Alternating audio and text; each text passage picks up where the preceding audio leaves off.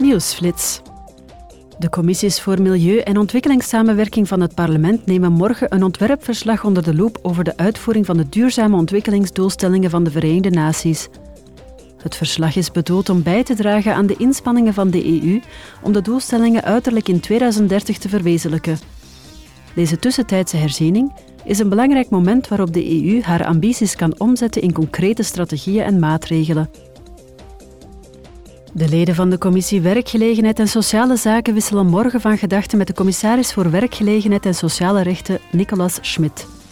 Hij zal hen naar verwachting op de hoogte brengen van beleids- en wetgevingsinitiatieven die de commissie onlangs heeft voorgesteld en dit jaar nog zal voorstellen.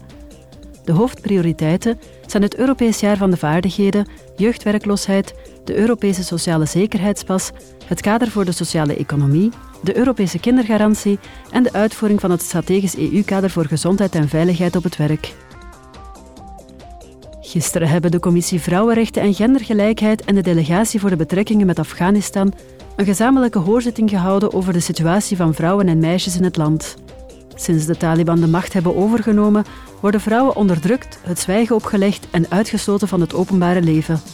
Zij mogen ook hun recht op onderwijs en toegankelijke gezondheidszorg niet uitoefenen, waardoor vrouwen en meisjes een hoger risico lopen te worden uitgehuwelijkt en misbruikt.